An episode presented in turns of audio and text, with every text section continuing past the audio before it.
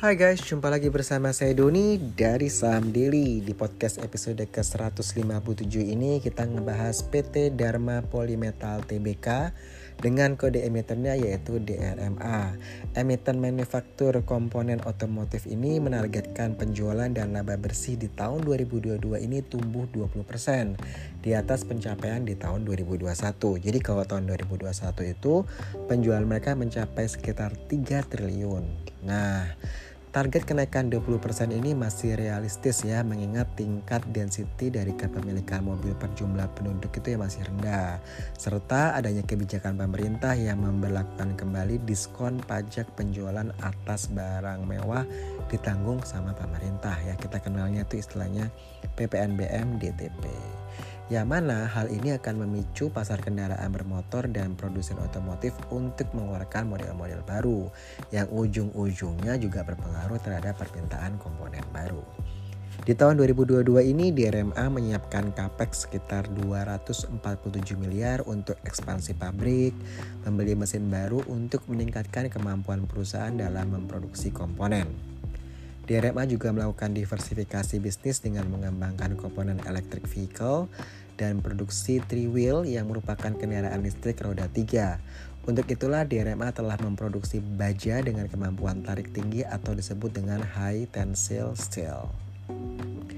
Baterai memiliki beban terbesar dalam komposisi mobil listrik yaitu sekitar 450 hingga 500 kg dari total bobot kendaraan sebesar 1500 kg sehingga pabrikan memerlukan kerangka badan kendaraan yang lebih ringan untuk mengkompensasi berat baterai gitu ya.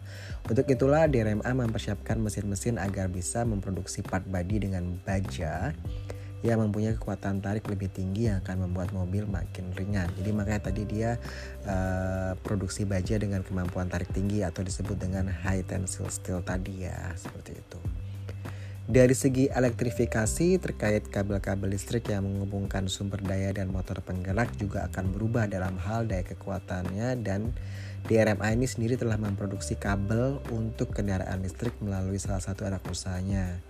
Sehingga DRMA ini menjadi uh, pemasok uh, untuk uh, mobil Hyundai kereta, kendaraan yang disebut-sebut 100%-nya produksi dalam negeri. Jadi ini yang ditunggu-tunggu ya uh, DRMA menjadi pemasok untuk Hyundai kereta begitu.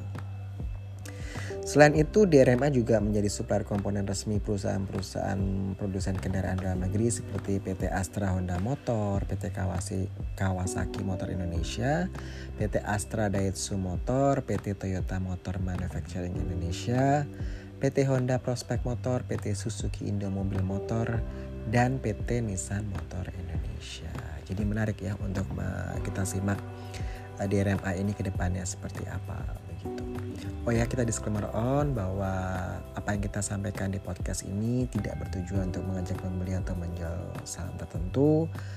Murni keputusan investasi itu sepenuhnya ada di tangan pendengar gitu. Oke, saya Doni dari Saham Daily out.